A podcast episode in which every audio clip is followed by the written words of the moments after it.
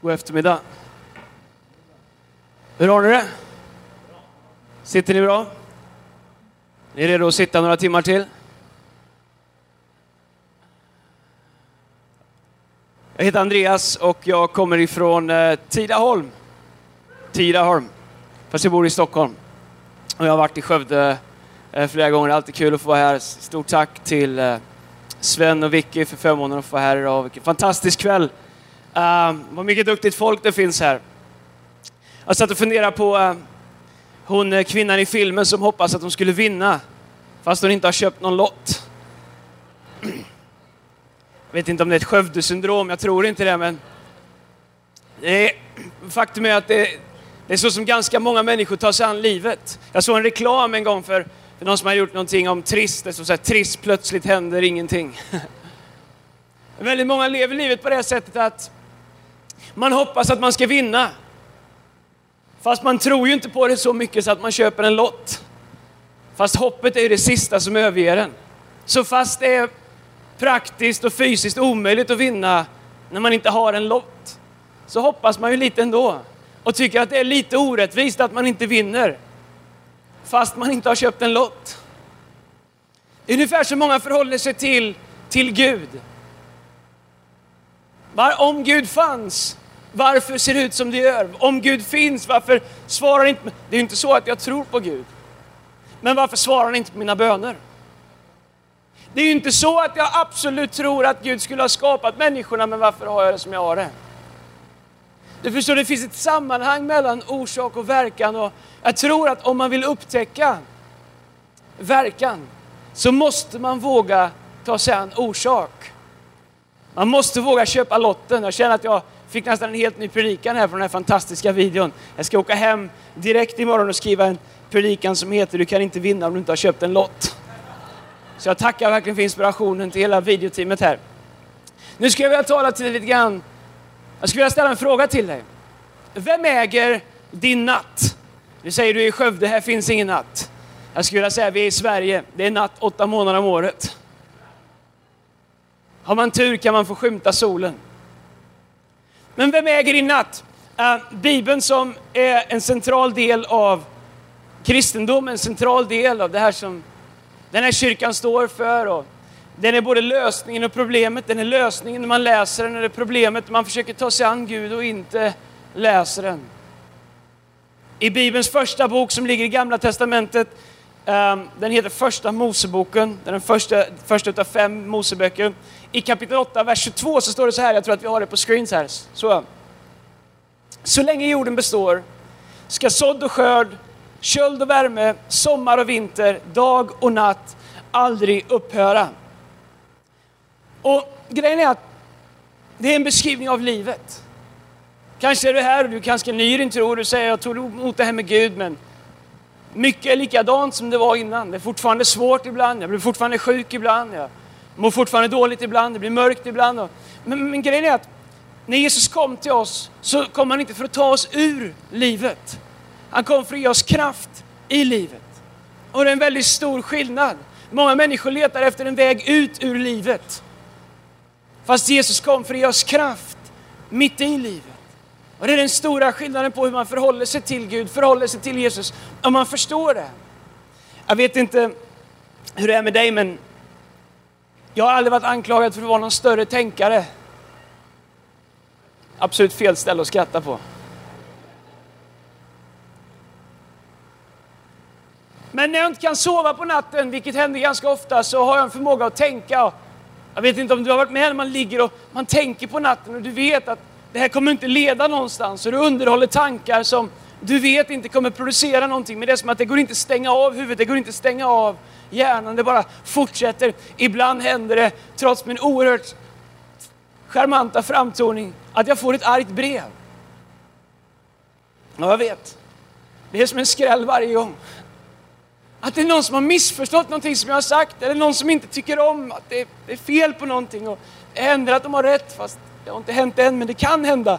Men jag kan känna mig orättvist behandlad, eller man får något sms, eller man hör något elakt rykte, eller man läser något på Facebook som inte stämmer.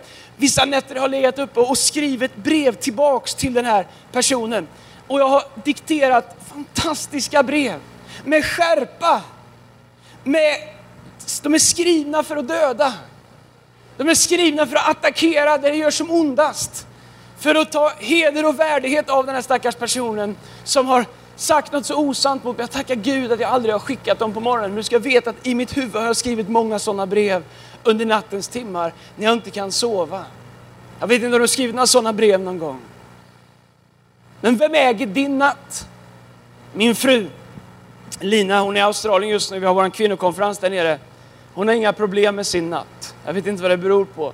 En del säger inget, inget är så bra sömnpiller som ett rent samvete. I sådana fall så har jag allvarliga problem med mitt samvete.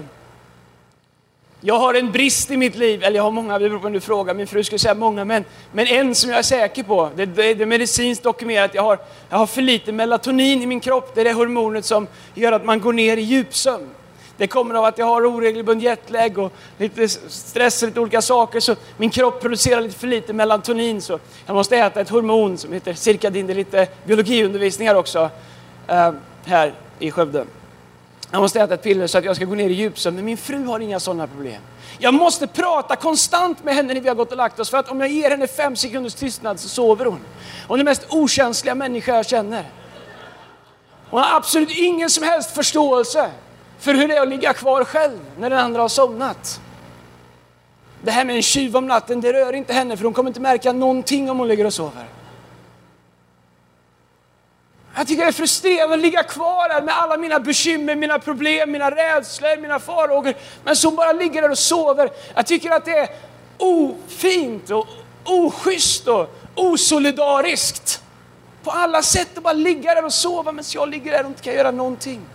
Ibland väck, skakar lite, sover. Jag vet att hon sover men jag tycker det är så tråkigt att ligga själv. Så jag brukar ruska igenom och fråga om hon sover. Det är ungefär som att skaka på, på en bikupa.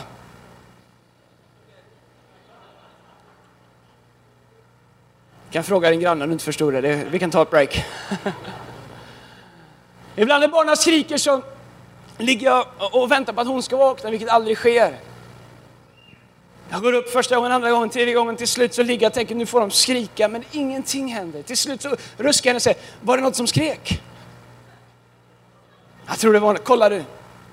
Jag kan inte sova, men ibland har jag haft nätter när jag har haft en enorm oro över vad nästa dag ska innebära. Jag har lämnat in min dotter på operation två gånger för stora hjärtoperationer. Det är två nätter innan de operationsdagarna som jag absolut inte har sovit. Och jag vet inte om det har varit någon gång i en natt när det känns som att det finns en kamp om din natt. Men vet du vad? I det här livet så, inne, så finns det natt. Vare sig du tror på Gud eller inte så innebär det här livet en viss natt. Jesus kom inte för att ta bort allting. Han kom bara för att hjälpa dig att leva igenom livets alla olika omständigheter. Det är till och med ett löfte ifrån Gud att så länge jorden består så finns det sådd och skörd, så finns det köld och värme. Så finns det sommar och vinter och dag och natt. Så vad är det som händer under natten i våra liv? Och då tänker jag inte bara på de där timmarna när det är mörkt, utan under livets natt. Vad är det som händer? Vad, vad består natt utav? Natt består ju av frånvaro av ljus. Och det är enkelt om man lever här uppe, där vi lever uppe vid Nordpolen, att tro att det inte finns någon sol längre. Man ser spår av den med jämna mellanrum under det halvåret som vi precis har varit på. Men det är enkelt att tro att den har försvunnit. Men sanningen är att solen är konstant. Solen skiner aldrig mer eller skiner aldrig mindre. Men hur solen är i förhållande till oss där vi bor avgör om solen träffar oss eller inte. Vi lever i skugga. Gud är exakt likadant som solen, han är konstant. Han är alltid densamma. Igår, han är densamma idag och han kommer fortsätta vara densamma. Men vårt liv innebär att vi hamnar i skugga av Gud som är perfekt, som är konstant. I ditt liv och i mitt liv. Men skugga, kanske ett av de svåraste sakerna att hantera i våra liv. Ibland undrar jag om det är kanske den svåraste saken för Gud att göra någonting med i våra liv. Eftersom skugga i sig själv är absolut innehållslöst. Om jag går och, och har, jag har skugga här, två stycken till och med, stereo. Den där skuggan som jag har här, den skuggan som jag har här, det är ingen bra profil på min skugga kan jag säga. den innehåller absolut ingenting. Den är tom. Skuggan i mitt liv som blir av min oro eller min fruktan. Skuggan i mitt liv som kastas innehåller absolut ingenting. Men det som jag fyller eller frestas att fylla min fruktan, min rädsla, min natt med blir en verklighet i mitt liv. Låt mig berätta vad som är svårt med natten. Låt mig berätta vad som är svårt med skuggan. Natt är bara skugga i våra liv. Det natten representerar. Det är inte frånvaro av ljuset i våra liv, det är bara att någonting blockerar ljuset i våra liv. Så att det inte träffar oss eller så att vi inte kan se det. Lyssna, skugga är innehållslöst. Men du och jag har en förmåga att fylla våra skuggor med olika saker och på så sätt skapa saker i våra liv som aldrig händer. Hur ska det gå om det blir så här? Hur ska det gå om jag tappar mitt jobb? Hur ska det gå? Kommer jag kunna bli frisk ifrån det här? Hur ska det gå? Kommer jag få sålt mitt hus? Hur ska det gå? Ska vi klara att hålla ihop vårt äktenskap? Hur ska det gå? Kommer jag kunna betala mina räkningar? Och skuggorna som kastas in i vårt liv. Vi har så enkelt att fylla skuggorna med det som vi är rädda för, våran fruktan. Så helt plötsligt så någonting som från början var tomt som skuggor är, blir helt plötsligt fyllda av någonting som från början inte fanns. Djävulen. Som är motsatsen till Gud. Bibeln talar om honom som den onde. Jag tror att man inte behöver vara speciellt troende för att inse att det finns ondska i världen. Det räcker med att ha en tv-kanal och titta på nyheterna. Så inser vi att det finns ondska i den här världen. På samma sätt som det finns godhet, att det är Gud, så finns det ondska i den här världen. Det finns en djävulen, den onde, som har svurit att förstöra det som vi har. Du och jag, vi är skapare, vi påminner om Gud och det är så oerhört svårt för djävulen att stå ut med det. För varje gång han ser dig så påminner du om Gud. Och djävulen skulle vilja vara som Gud, men han är ingenting som honom. Så han har bestämt sig för att göra allt han kan för att förstöra våra liv. Han gör allt han kan för att fylla våra skuggor med allting som vi är rädda för. Lyssna, det han fyller dina skuggor med, kan inte göra dig någonting. Men vår respons till det vi ser i våra skuggor får oss att börja agera och på så sätt så börjar vi skapa saker i våra liv som aldrig fanns. Jag fick en fråga. Jag och min fru vi reser en del på olika håll. Min fru är i Sydney. En okristen kompis som frågar, är du inte orolig när din fru bor på hotell i en och en halv vecka nere i Sydney att hon ska träffa någon som är snyggare än du där nere? inte speciellt. nej, jag ska bara. Det är, sant. det är. Men jag skulle kunna åka hem. Nu är jag inte det. Eh, absolut inte. Vilket nedköp det skulle vara för alla parter. Men jag är inte orolig. Därför att vi bygger vår relation i ljuset av ett löfte. Men om jag inte hade gjort det så hade jag kunnat åka hem och lägga mig på kvällen. Och det som jag aldrig var orolig för, först någon ställde mig en fråga och började kasta lite skugga in i mitt liv. Jag skulle kunna ligga i min säng på kvällen och säga, und, tänka, undrar vad min fru gör. Tänk om hon träffar någon. Tänk om det, och jag kan börja fylla min skugga med saker och ting. Tänk om det sitter någon i lobbyn. Tänk om hon springer på någon där nere. Tänk om han kommer där med långt hår som jag hade när vi träffades. Som ser ut som en yngre variant av mig. Och så jag skulle kunna börja fylla min skugga med allt möjligt. Eller ungefär som om du jobbar på Volvo eller någon annanstans, var du nu kan jobba på. Någon kommer och säger, nu har du hört att det ska bli uppsägningar? Han kanske hade hört fel, det ska inte alls bli några uppsägningar. Men du åker hem och fyller dina skuggor. Jag kommer bli uppsagd, jag var en av de sista som blev anställd. Jag kommer inte kunna betala mina räkningar. Min tjej kommer få sluta på ridskolan. Och, och, och, och vi kommer inte kunna åka på vår finlandskryssning. Och det blir inga och helt plötsligt så har du fyllt alla dina skuggor med någonting som inte var något annat än tomt. Lyssna. Den onde fienden, djävulen, han kan inte göra någonting i ditt liv. Mer än att antyda att det skulle finnas någonting i skuggorna som inte finns. Vem äger din natt? Vem äger dina skuggor? Vad har du fyllt dina skuggor med? Vi har dem allihopa. Den som säger att de inte har dem ljuger. Vi har allihopa skuggor i våra liv. Vi fyller dem med olika saker. Lyssna. Fruktan är paralyserande. Rädsla är paralyserande, det är motsatsen till tro. Vårt liv existerar av tro. Du säger jag är inte troende, jag säger det du visste. Du säger jag tror inte på någonting, jag säger det gör du absolut. När du satte dig på bänken så trodde du att det skulle hålla, annars hade du satt dig. Hade det varit en tunn liten sak där, där du hade känt det här kommer aldrig att gå, du hade aldrig ens satt, du lever i tro. När du satte dig i bilen och startade. Ni åker väl Toyota hela högen här antar jag? När du satte dig och startade bilen så trodde du att den skulle starta, annars hade du aldrig satt dig där. Du förstår, hela vår värld bygger på tro. Det är bara att vi inte tror att vi tror. Men du tror, du kan inte göra någonting varje gång du tar ett andetag. Du tror så mycket på det att du, ens, du till och med slutar tänka på att göra det. Du tror varje gång du går till bankomaten så säger du jag tror, jag tror, jag tror. Allt vi gör är tro. Motsatsen till tro är fruktan, rädsla, den är paralyserande. Den får oss att börja tänka, börja tvivla, börja oroa oss. Fruktan producerar alltid någonting i vårt liv. Den producerar alltid motsvar, motsatsen till tro. Tro kommer ifrån Gud. Tro kommer ifrån Jesus. Han får dig att tro fast du inte ens tror på honom. Och det beror på att fast du kanske inte tror på Jesus så tror Jesus på dig. Det är inte så, kanske sitter du här och du har inte bestämt dig för vad du ska göra med Gud. Men jag skulle vilja säga till att Gud har redan bestämt vad han ska, ska göra med dig.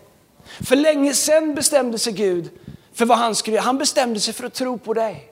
Han bestämde sig för att älska dig villkorslöst. Han bestämde sig för att dra upp spelreglerna för sin kärlek. Och han sa, jag tänker inte vänta på deras respons. Jag tänker bestämma mig för vad min inställning till människorna kommer vara. Så bestämde han sig för att tro på oss allihopa.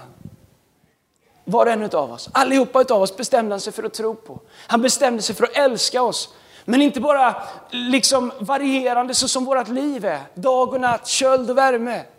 När han bestämde sig för att vara konstant i sin kärlek, villkorslös. Han gjorde det till och med så att han lovade att han skulle älska oss villkorslöst. Och du måste förstå, när Gud lovar det så kan han inte ändra på vad han har lovat. Han är bunden av det som han har bestämt sig. Så långt innan någon av oss bestämde eller kommer bestämma oss för vad vi ska göra med Gud, så har Gud bestämt sig för vad han ska göra med oss.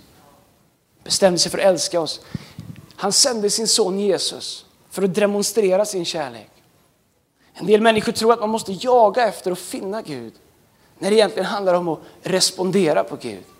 Bibeln säger att Guds kärlek fördriver all fruktan. Guds perfekta kärlek som du inte kan vinna, som du inte kan förtjäna, som du inte kan samla ihop duktighetspoäng till, utan som du bara måste ta emot som en gåva. Johannes, Johannes evangelium kapitel 1, vers 12 så står det, men åt var och en som tog emot honom, Jesus, gav han rätten att bli Guds barn. Alltså du får en rättighet till en relation med Gud om du tar emot den gåvan som Jesus har när han bestämmer sig för att älska dig. Du frågar sig Andreas, jag tvivlar. Det är okej. Okay. Det står inte den som tar emot utan tvivel blir ett Guds barn. Nej, den som tar emot. Vet du vad? Jag tvivlar också ibland. Där har du det. Jag tvivlar också ibland. Jag har skuggor som kommer in i mitt liv. Jag ber böner som jag inte tycker att Gud svarar på. Och jag tvivlar, men jag är så fantastiskt glad att jag inte behöver bygga min relation på Gud baserat på det som är fel hos mig. Utan jag kan bygga min relation med Gud baserat på det som är rätt hos honom. Gud behöver inte mig, jag behöver Gud.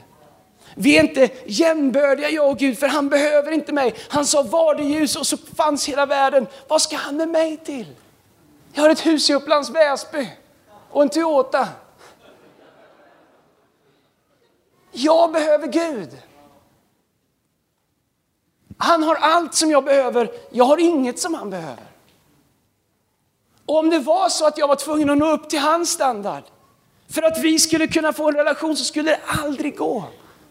Det är därför jag är så tacksam att medans, Bibeln säger att medan vi ändå var långt borta ifrån Gud, medan vi ännu var syndare. Synd, ett ord man inte hör så mycket om längre. Om du är tillräckligt gammal så kanske du har lärt dig att synd det handlar om man får inte kröka, man får inte röka, man får inte göra det, man får inte göra det. Och synd är alla de här olika sakerna. Man får inte pussas längre än fem sekunder innan man är gift. Tänk på det. Nej, synd är något helt annat. Synd, det är det som skiljer oss och Gud. Men det finns bara en sak som skiljer oss och Gud. Det är faktum att vi inte tror på honom. Synd är att jag tror att jag klarar mig utan Gud. Synd är det som uppstår i mitt liv när jag försöker leva utan Gud. Notan av mitt liv, jag är 37 år, notan som jag hunnit samla på mig under åren av alla fel. Att jag tror att jag skulle ha någonting för att plocka upp den notan och betala för alla fel som jag har gjort och inte inse att jag behöver Gud. Och tro att jag klarar mig utan Gud. Det är synd. Det som skiljer mig från Gud. Jesus säger att medan vi ännu var syndare, medan vi ännu var, vad betyder det? Medan vi ännu trodde att vi klarar oss utan Gud, gav Jesus sig till oss. Tog han första steget mot oss. För att vi inte skulle behöva leva i rädslan av våra skuggor utan i friheten av hans kärlek. Fruktan på engelska heter fear. Jag hade med en, en, en, en bild där, lite engelska. Jag bor i Stockholm nu, så jag tänkte Fear, false evidence appearing real. Låt mig säga någonting om fruktan. På svenska betyder det falska bevis som verkar trovärdiga eller äkta. Så fruktan är innehållslöst. Fruktan innehåller ingenting. Fruktan är bara vår rädsla för vad skuggan skulle kunna vara. Den onde, ondskan i den här världen kan inte göra någonting i ditt liv. Han kan bara så ett frö av fruktan. Alltså han kan få någonting som inte är verkligt att framstå, om vi kan få tillbaka den här bilden en sekund bara. Han kan få någonting som är falskt att verka äkta. Någonting som inte är sant. Han kan så en tanke i ditt, i ditt, i ditt huvud som säger Gud är inte nöjd med mig. Gud kan inte tycka om mig. Det är falska bevis som verkar verkliga. Därför att vi tar det fröet och så kopplar vi det till våran brist och så fyller vi våran skugga med någonting som inte är sant. Men vi behöver inte leva i det många dagar förrän det som inte var sant nu har blivit våran vardag och verklighet. Så mycket av våra utmaningar i livet som vi, som vi brottas med är saker som från början inte var sanna men vi har levt med dem så länge så de har blivit trogna följeslagare i livet och vi håller dem som sanna. Jesus kom för att låta sitt ljus lysa in i våra liv och avslöja alla skuggorna.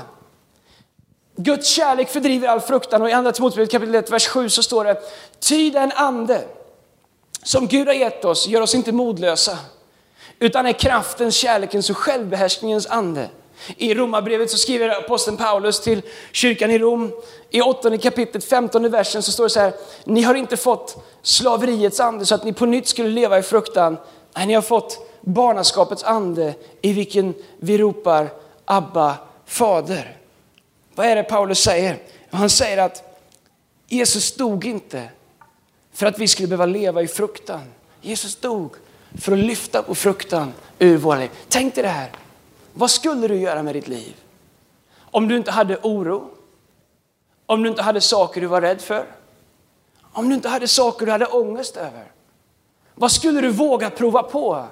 Om det inte var så att fruktan för att misslyckas är större än längtan efter att lyckas. Vad har du haft i ditt liv som du har fyllt dina skuggor med så länge så det som från början inte var en sanning nu hålls för sant i ditt liv? Jesus kom för att starta om, hjälpa dig att starta om från början. Tända ljuset i ditt inre. Släcka ditt livs inre skugga och låta hans ljus, sanningen, få lysa in i ditt liv och avslöja allt det här som vi bär på. Allt det här vi förhåller oss till som inte är sant. Visa oss vem vi verkligen är.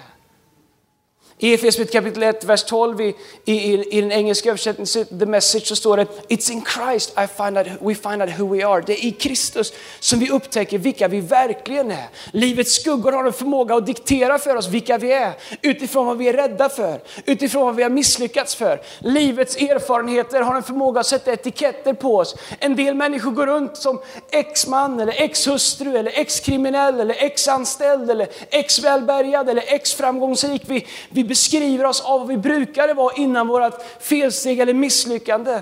Jesus är tvärtom. Han pratar alltid med oss som vi kan bli.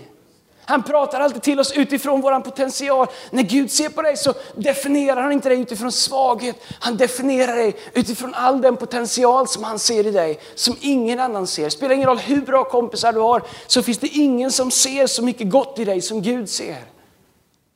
Ingen. Absolut Ingen. Vad gör man för att bli av med sin skugga? Vad gör man för att bli av med sin rädsla? En kväll så var Jesus, Jesus han hade gjort massa mirakler. Han var fantastisk Jesusspelare. Kunde få blinda att se igen, lama att gå, döda och komma tillbaka till liv. Han hade hållit på hela dagen och på kvällen så sa han till, du måste förstå, Jesus, han hade det tufft. Det kanske är tufft att vara pastor idag, men det måste varit värre att vara Jesus. Han samlade ihop de tolv mest dysfunktionella människorna som fanns i hela Israel till att hänga med honom i tre och ett halvt år. Han måste haft en ängels, ja, ängels, han var mer än en ängel tålamod. Han måste haft ett sånt tålamod. Petrus, jag är övertygad om att han hade haft varenda bokstavskombination som hade funnits i sin personlighet om han hade levt. Han har testat A på allting. Thomas, han tvivlar på allt som Jesus sa. Judas var runt och försökte ta plånböcker så fort Jesus undervisade. Och, och, och, och Petrus, aggressiv, utåtagerande, yvig. Han gissade fullt sjå. Johannes, han skriver en egen bok i Guds ord och beskriver sig som den lärjungen som Jesus älskar mest. Hyfsat självupptagen för att vara med Jesus måste man säga. Dessutom så gillar han att lägga sitt huvud lite på Jesu bröst så här. Jag tänker, vad håller du på med? Vi tror att det var apostlar som gick runt med gloria under sina huvuden och sjöng psalmer. Det var en samling gal. De hade blivit, fått tröjor som man knäpper på ryggen hela högen när de hade levt nu. Jesus säger till Petrus, Petrus du kommer också över mig. Petrus säger, jag kommer aldrig överge dig. Om så alla andra lämnar dig kommer jag aldrig någonsin överge dig. Jo Petrus, aldrig. Det är jag, Petrus. Men Jesus säger, det är sant. Det spelar ingen roll vad du säger, du kommer att lämna mig. Kommer att svika mig. Du kommer låta fruktan ta överhanden. Petrus säger, kommer aldrig ske. Johannes, det är en mjukis, kanske han. Thomas, han tvivlar säkert på allting, men ja, Petrus, här behöver du inte vara orolig Jesus. Om det är någon som inte sviker så kommer soldaterna till i, i lustgården och ska tillfångata Jesus. Och Petrus han håller på att sabba det som Gud har orkestrerat i generationer. 700 år innan det händer har Jesaja börjat profetera om det. Och Petrus drar sitt svärd och håller på att sabba allt. En dampig fiskarlärjunge drar sitt svärd och håller på att sabba hela Guds plan. 700 år. Jesaja har ju profeterat om det och sagt att allt det här ska ske och gå. Och Petrus, som såg sig själv säkert som Messias 2. Jag är övertygad om att i Petrus huvud var det Jesus och Petrus och de andra. Han drar svärd, hugger örat av Markus och, och ska ta sig an hela romarriket. Har han tänkt efter? Absolut inte. Han tänkte jag tar så många hinner. Han står emot hela romarriket med sitt svärd. En fiskare, han var ingen vidare fäktare säkert. Jag menar, han har säkert inte vässat svärdet. Så hugger han örat av en soldat som heter Markus. Jesus säger Petrus, lugna dig, stoppa i skidan. Petrus han är, så, han är så kraftfull, han är så tuff, han ska ta sig an alla. Sen tar de Jesus till fånga. Jesus hela örat, Markus stoppar tillbaka det, säger Petrus stoppa ner svärdet där. Och Petrus han, är, han tycker det är supertråkigt. Han var redo att gå den sista samurajen på hela romarriket. Jesus blir tillfångatagen. Någonting händer i Petrus. Petrus som hade varit så oerhört tuff tidigare. Petrus som hade varit så utåtagerande. Som hade gjort så stora uttalanden, som hade sagt om så alla andra sviker dig så kommer jag aldrig svika dig. Om alla lämnar dig så kommer jag aldrig lämna dig. Han går och kryper ut med husväggarna i skuggan han har gått ifrån rampljuset av att stå bredvid Jesus till att gömma sig i skuggan. Han går i skuggan ut med husväggen och det finns bara en lägereld som lyser och eldslågorna som stiger upp kastar skuggor mot husväggarna och när han hoppar mellan skuggor så är det en av tjänsteflickorna som får syn på honom. Han sitter där. Eller hon sitter där, hon är kanske 14-15 år gammal och hon ser Petrus hoppa mellan skuggorna han som precis skulle ta sig an hela romarriket och så säger de Petrus, var inte du med Jesus? Nej, nej, nej, det är inte jag. Det var inte jag. Jo, men jag känner igen har inte du, du var ju där i Galileen och, och, och, du var ju där, jag såg ju dig när Jesus väckte upp Lazarus. Nej, nej, det var inte jag, det är säkert, det var inte jag. jag har, det är många som ser ut som jag, men jag har köpt kläderna där borta alla handlar nu. Det är inte, det är, du tänker på någon annan. Men de säger, men Petrus, ja, ja, det är ju du. Och Jesus han, eh, förlåt, och Petrus han, han blir så rädd när han står i skuggan. Så han börjar svära och förbanna Jesus. Alltså han som han bara några timmar tidigare var beredd att ta till svärd och slåss för mot hela romarriket. Han är så rädd för en liten tonårsflicka. Därför att han har tagit klivet ifrån ljuset av Jesus in i skuggan. och låtit rädslan överväldiga honom på bara några timmar. Att han försakar och förnekar det som han har gett sitt liv till. Det som han var beredd att ge sitt liv för. Du tror att det är konstigt att du faller någon gång. Att du har en dålig dag. Att du kanske tvivlar någon gång. Om det händer Petrus så inser vi vad förrädiska skuggorna är. Petrus han ångrar sig bittert. Han inser vad det är som precis har hänt. Han inser att det inte var sant. Och när han får höra några dagar senare att Jesus har återuppstått, så efter att ha levt flera dagar i skuggan, efter att ha varit inlåst och gömt sig, så springer han som en galning till graven. Han och jag tror det var Johannes sprang, Johannes var lite snabbare men Johannes var vekare, han vågade inte springa in i graven. Så han stod utanför och väntade på att, på, på att ADHD-Petrus skulle hinna ikapp. Men Petrus, han tänk, han, det är inte ens bromsspår efter Petrus, han springer bara rätt in i graven till det tar stopp. Han är frustrerad när han inte ser Jesus där inne. Han hade haft tre dygn i skuggor. Och det var på väg att ta knäcken av honom. Hej, tre år med Jesus var på väg att förstöras av tre dagar i skuggor för Petrus. Kraften av skuggan när vi fyller av med rädsla. Men när Petrus träffar Jesus så är jag övertygad om att det måste vara det gladaste möte som någonsin har skett. Absolut gladaste möte. Lärjungarna var samlade. Jesus kommer in till dem och Thomas tvivlar inte där. Som så många av människor som tvivlar så har man en förmåga att missa när Jesus kommer. I Johannes evangelium kapitel 20 så berättas det om att Jesus kom till lärjungarna. Alla var där utom Thomas. Typiskt att de som tvivlar missar när bevisen finns framför ögonen på oss. Typiskt att våra tvivel kan förblinda våra ögon så mycket att vi inte ens ser och kan tro när det finns framför oss. För vår egen verklighet vi har skapat har blivit så mycket verkligare än verkligheten själv. Jesus går därifrån och Thomas kommer tillbaks och Petrus säger, Thomas du fattar inte vad som hänt. Jesus var här. Jesus kom hit, han var här, han lever. Vi såg honom, jag sände på honom och såg alla såren. Det var hål i hans händer. Och Thomas, som också har haft dagar fulla av skugga, som han har fyllt med sin egen fruktan. Han säger Petrus, jag litar inte på dig. Jag kan inte tro på vad du säger. Så säger, Petrus, så säger Thomas, om inte jag får se honom med egna ögon, om inte jag får sticka mitt finger i hans spikhål, om inte jag får känna på sidan där de stack upp honom med lans, då kan jag inte tro. Vad Thomas säger är att skuggan i mitt liv är mycket verkligare för mig än hoppet om att Jesus skulle leva. Jag behöver ljus i min skugga. Jag älskar Jesus. Det är enkelt att tro att Jesus skulle komma till Thomas och säga Thomas, du är en loser. Du borde ha lytt Petrus. Du borde ha trott på Petrus. Du borde ha trott på de andra. Om du bara hade trott så hade jag räddat dig, men nu är det över. Här går jag och dör, uppstår och du kan inte ens tro på mig. Jesus är inte så. Jesus, lyssna vad jag säger, Jesus har inga problem med våra tvivel. Absolut inte. Det är vi som har problem med våra tvivel. Det är våra liv som krymper. Det är våra liv som urholkas. Jesus ramlar inte av tronen för att du tvivlar. Men Jesus går fram till Thomas. Han vet att Thomas är den som behöver honom mest just nu. Jesus kommer andra gången och han vet att av alla människor i hela världen som längtar efter mig så finns det nog ingen som längtar efter mig så mycket som Thomas gör. Har du varit med människor där allihopa har varit med om någonting utan du?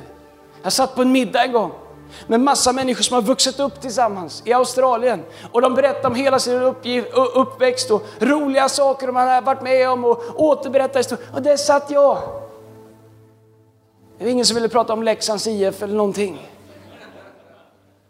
Jag känner mig helt utanför. Har du någon gång varit i en miljö där de andra har någonting tillsammans som du inte har? Det var Thomas. Nej Jesus, jag älskar Jesus för det. Han gick förbi alla de andra, rakt fram till Thomas, tvivlaren som vi kallar honom. Innan han säger någonting till Thomas, innan Thomas ens behöver förklara sig, eller rättfärdiggöra sina tvivel så sträcker Jesus fram sina händer. Han säger Thomas, här, se min hand. Här Thomas, se min sida. Thomas respons efter att ljuset av Jesus har lyst in i hans liv och avslöjat skuggorna som tomma är att han faller ner på knä inför Jesus och säger Jesus, min Herre och min Gud.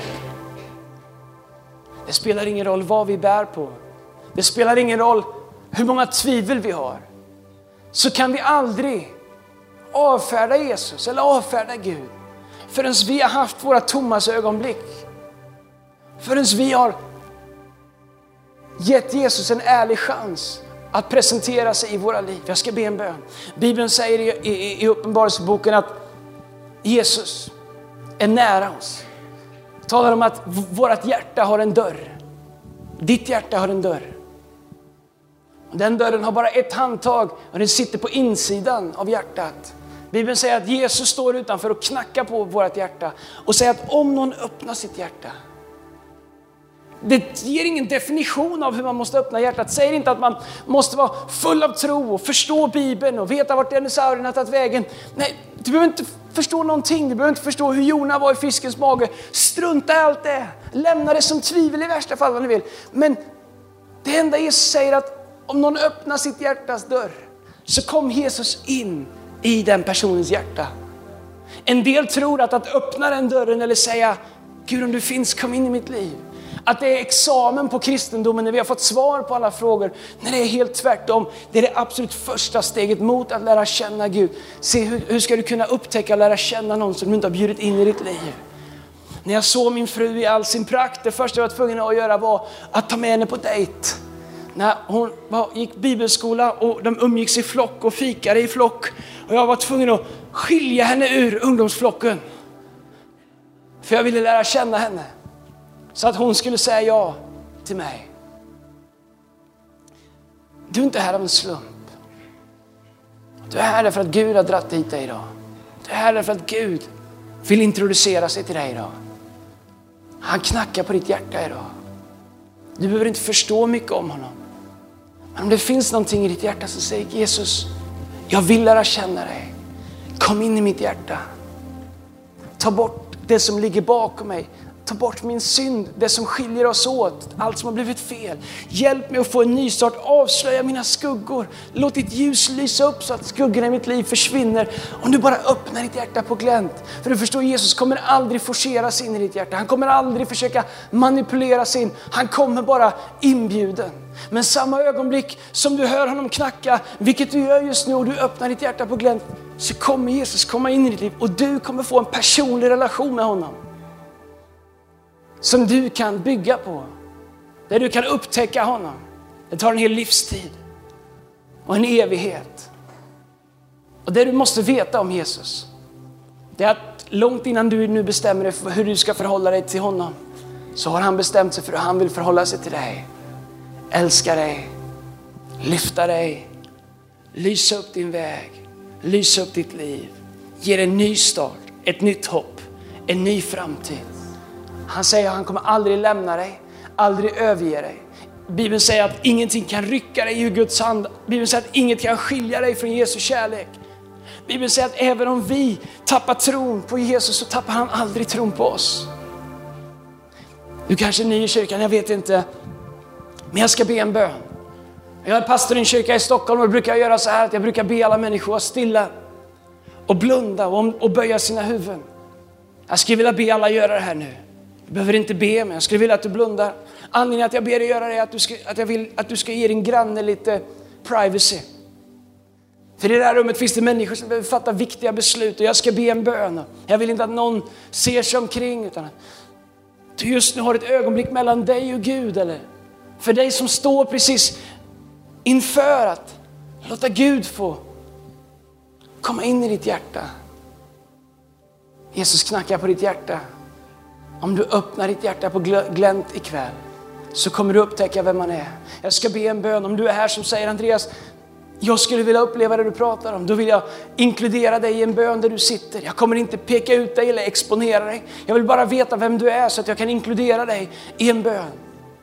Du som säger Andreas, jag skulle vilja lära känna Gud. Jag skulle vilja att Jesus kommer in i mitt liv. Jag vill inte ha någonting, jag vill inte ha någon synd eller någonting mellan mig och Gud längre. Jag vill få en ny start med Gud, jag vill uppleva det du pratar om. Du säger Andreas, jag vill öppna mitt hjärta. Jag vet inte fullt ut vem Gud är, men jag vill lära känna honom.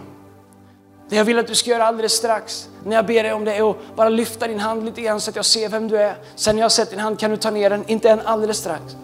När du lyfter din hand så är det ditt tecken till mig där du säger Andreas, när du ber, tänk på mig.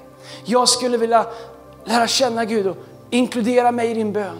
Din hand är ett tecken till mig att jag kommer inkludera dig i, din bön i min bön tillsammans med alla andra som lyft sina händer.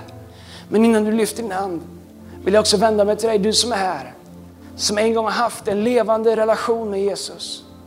Du öppnade ditt hjärta och han kom in.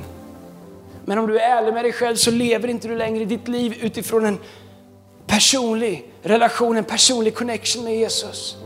Kanske sjunger du till honom fortfarande, kanske till och med ber du till honom lite nu och då. Kanske ingen vet att han inte längre är i centrum av ditt hjärta, att ditt hjärta börjar bli kallt. Kanske till och med ger du till honom i kollekten, men du vet att han inte längre har den plats i ditt liv som han en gång hade. Min vän, jag har varit där, jag vet exakt hur det känns hos dig just nu. Men jag har också kommit förbi det och jag kan säga till dig att samma ögonblick som jag vände mig mot Gud så var han trofast. Bara för att jag lämnade honom så visade det sig att han aldrig hade lämnat mig. Men jag skulle vilja utmana dig här idag. Du som säger Andreas, jag skulle behöva starta om min relation med Gud. Jag skulle behöva komma tillbaka och få en ny start med Gud. Kanske alla vet att du har varit borta ifrån din relation med Gud, kanske ingen vet det. Men du vet det. Och Gud vet det. Och han är redo att sträcka ut sina armar om du är här idag som säger Andreas, jag behöver komma tillbaks till Gud så ska du veta att du kommer inte möta en Gud som en domare som vill hålla korsförhör med dig om varför och hur och när. När du möter en Gud med öppna armar som säger välkommen tillbaks. Jag har saknat dig, det har varit tomt utan dig. Med alla huvuden böjda, alla ögon stängda så ska jag be en bön. Om du för första gången vill bjuda in Jesus i ditt hjärta eller om du säger Andreas, jag behöver få en ny start, jag behöver starta om min relation med Gud. Jag vill att han ska ha den plats i mitt liv som han en gång hade. Då vill jag be för dig där du sitter. Kommer inte peka ut eller exponera dig. Men jag kommer göra så här, jag kommer räkna till tre för att göra det enkelt för alla. När jag kommer till tre, då vill jag att du lyfter din hand tillsammans med alla andra. Du som säger Andreas, inkludera mig i den bönen. Be för mig. Och när du har lyft din hand så kan du ta ner den. Är du redo? Nu kommer jag be. Sen kommer jag lämna över den mikrofonen. Jag ber att du inte ska tveka, jag ber att du ska ta chansen. Jesus har väntat så länge på dig. Vänta inte längre du, utan öppna ditt hjärta idag och se allting som väntar på dig. Är du redo att lyfta din hand och låta mig få be för dig? Ett, två, tre. Lyft din hand just nu. Gud välsigne dig, dig, dig, dig. Gud välsigne dig. Håll era händer uppe ni snälla så hinner se dem. Gud välsigne dig, dig. Gud välsigne dig, dig, dig, dig, dig, dig. Gud välsigne dig, dig. Ni som har lyfta händer kan ta ner dem, alla huvuden böjda, alla ögon slutna. Gud välsigne dig. Ingen ser sig omkring. Innan jag ber vill jag fråga, är det någon mer som inte riktigt vågar men som säger Andreas, jag vill inte missa chansen. Du säger Andreas, be för mig också. Tänk på mig när du ber. Om du inte har lyft en hand, Gud välsigne dig. Tveka inte. Gud välsigne dig. Ta chansen. Jesus knackar på ditt hjärta. Han älskar dig. Han är inte arg på dig. Han har aldrig gått bort ifrån dig. Skuggorna som har varit i ditt liv de kommer han avslöja som tomma. Rädslan du har haft, den kommer han avslöja som onödig. När hans kärlek kommer in i ditt liv och fördriver all fruktan. Är det någon med dig när jag ber Andreas? Jag också. Gud välsigne dig min vän. Tack så hemskt mycket. Tack så jättemycket. Ska vi göra så att vi ber en bön? Jag ber före och hela kyrkan ber efter. Alla ni som lyfter era händer tillsammans med hela kyrkan ber tillsammans. Ni ber efter mig den här bönen. Tack Gud att du älskar mig. Tack Gud att du sänder din son Jesus till mig för min skull. Jesus, jag öppnar mitt hjärta. Kom in i mitt liv. Förlåt mig min synd. Jag vill inte leva utan dig. Förlåt mig allt som ligger bakom. Tack att du gör någonting nytt. Tack att från och med idag så är jag din och du är min. Tack Jesus att ingenting kan skilja mig från din kärlek. Amen. Amen. Jag vet inte hur ni brukar göra, men hemma brukar vi ge en stor applåd till alla de som har lyft sina händer. Ska vi ge dem en stor applåd? Lovsångsteamet kan komma fram.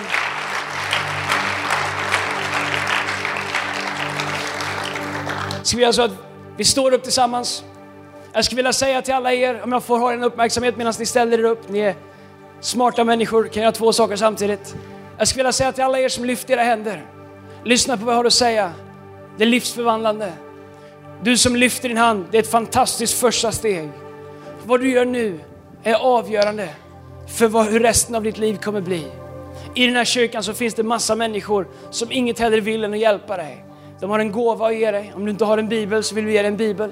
Om du skulle vilja att någon pratar med dig, om du skulle vilja ha någon att ställa frågor till, om du skulle vilja att någon bad för dig, om du skulle vilja ha någon att samtala med eller som stöttar dig i att hitta rätt i din nya tro så finns det fantastiska människor i den här kyrkan som är redo att göra det. Och förhoppningsvis kan någon av dem få hälsa på dig och se hur de kan hjälpa dig. Amen? All right. Tack så hemskt mycket.